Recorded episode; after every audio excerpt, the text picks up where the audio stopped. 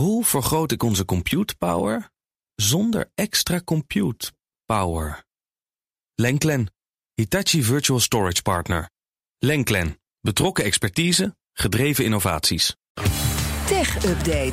Leclerc, goedemorgen. Goedemorgen, Bas. Alibaba wil opnieuw obligaties uitbrengen. Vertel. Ja, dat klopt. Dat uh, meldt Bloomberg vanmorgen. Alibaba, hè, Chinese e-commerce grootmacht, die wil volgens bronnen tot wel 8 miljard dollar ophalen door uh, obligaties uit te geven in het buitenland. En dat zou uh, meteen ook een eigen record evenaren. In 2014 deden ze dat ook, haalden ze 8 miljard dollar op met obligaties. En dat was toen een Chinees record. Ja, en het geld is nu op, die 8 miljard? Nou, volgens Bloomberg hadden ze eind september nog best een berg geld. 90 miljard dollar zouden ze op zitten. Maar met die 8 miljard van 2014 zouden ze voornamelijk start-ups hebben gekocht en een logistieke netwerk hebben uitgebreid en andere investeringen hebben gedaan. En ondertussen uh, voeren ze in China een hevige strijd met concurrenten zoals Tencent en JD.com. En Jack Ma, ja, waar die ook mogen zijn, die, uh, die staat zelf natuurlijk onder druk. Maar ook Alibaba heeft, uh, heeft het een beetje lastig in China. Er loopt namelijk een mededingingsonderzoek waarvan uh, de uitkomst eigenlijk nog heel onzeker is voor ze.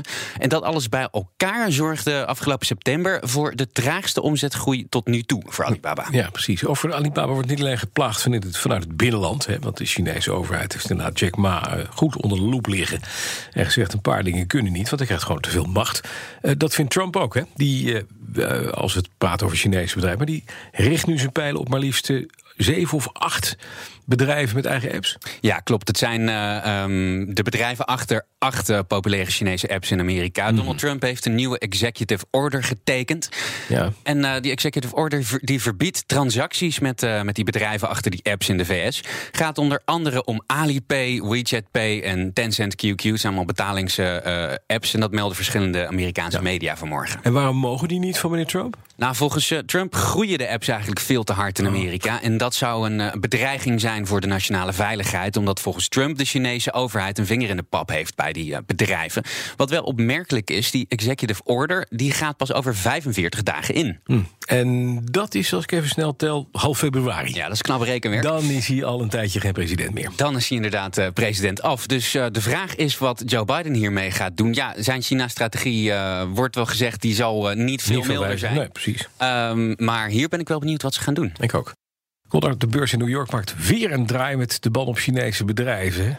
Ja, het uh, zwabbert nogal daar. Gisteren stond ik hier te vertellen dat de New York Stock Exchange drie grote Chinese telecombedrijven toch niet zou schrappen.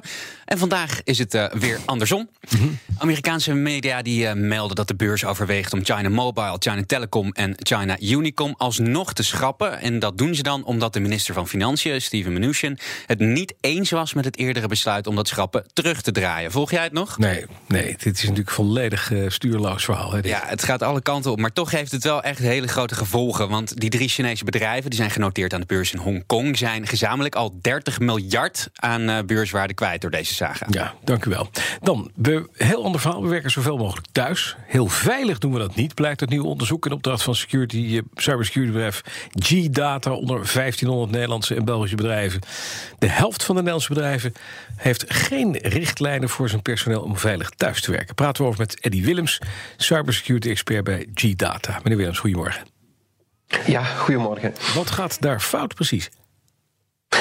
Wel, ja, dat is natuurlijk de vraag. Het, uh, ik, ik denken dat uh, de meeste bedrijven gewoonweg uh, er niet aan gedacht hebben um, dat het coronavirus natuurlijk zo hevig ging om zich heen slagen. En dan is iedereen natuurlijk thuis beginnen te werken. De infrastructuur van, van de bedrijven zijn daar wel dan op aangepast.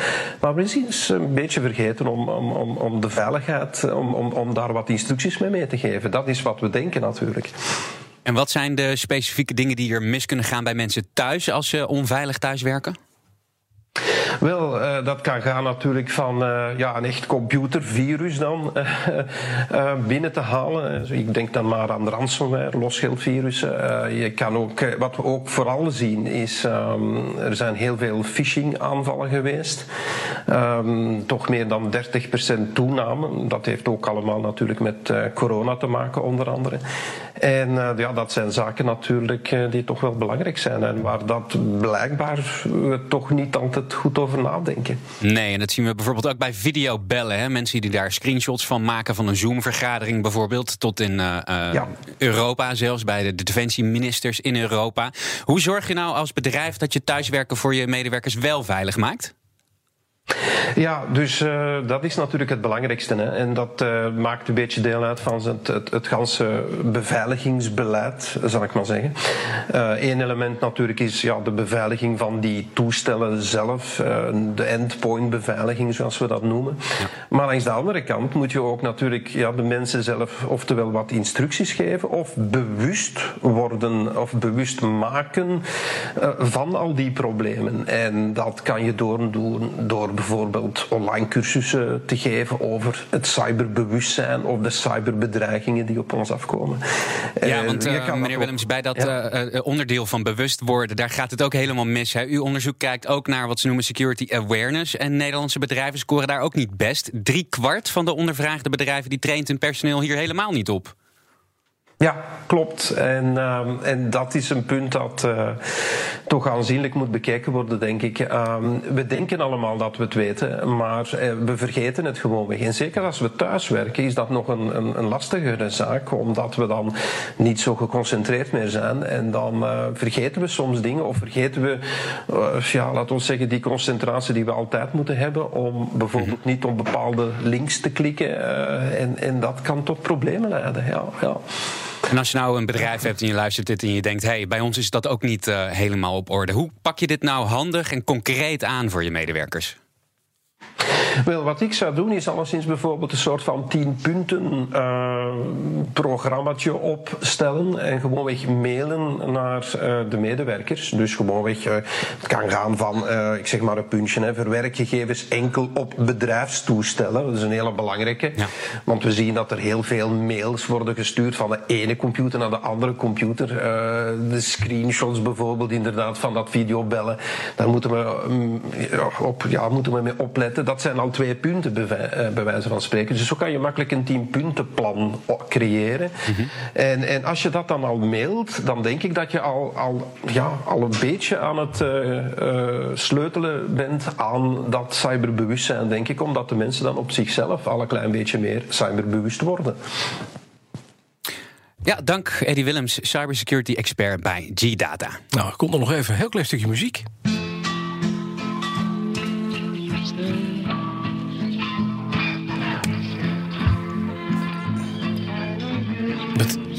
Is je neefje op een piano? Of? Dit, dit is te gek. Dit is hoe kunstmatige intelligentie denkt dat de Beatles klinken. Dit oh. vinden zij Beatles. Dit is helemaal in een neuraal netwerk ontstaan. Dat is uh, Jukebox heet dat. Dat is een project van OpenAI. En dat is eigenlijk een neuraal netwerk dat popmuziek uh, genereert... in de stijl van bekende bands en artiesten. Mm -hmm. Dus die hebben heel veel Beatles geluisterd. En uh, dat netwerk denkt dat van... Maakt dus dit. Hey, ik ga dus nu de Beatles maken of iets wat op de Beatles lijkt. Inclusief rudimentaire zang, zoals je het hoort. Het is, ja, het is een beetje... Ik, heb een, ik heb een hele oude keukenmachine. Die klinkt naar de AI Beatles. Kan Weet je alsof het John Lennon zijn tekst kwijt is. De bus gaat toen twee keer risotto, papier. Maar het klinkt oprecht toch wel van een afstandje een klein beetje als de Beatles, toch? Ja? Nou, het is als je in een lift staat en je bent licht doof en je bent wat gestrest. en je bent weg naar je eerste vaccinatie. Dan denk je dat het de Beatles zijn, maar verder, uh, nee, kan, kan er echt niet.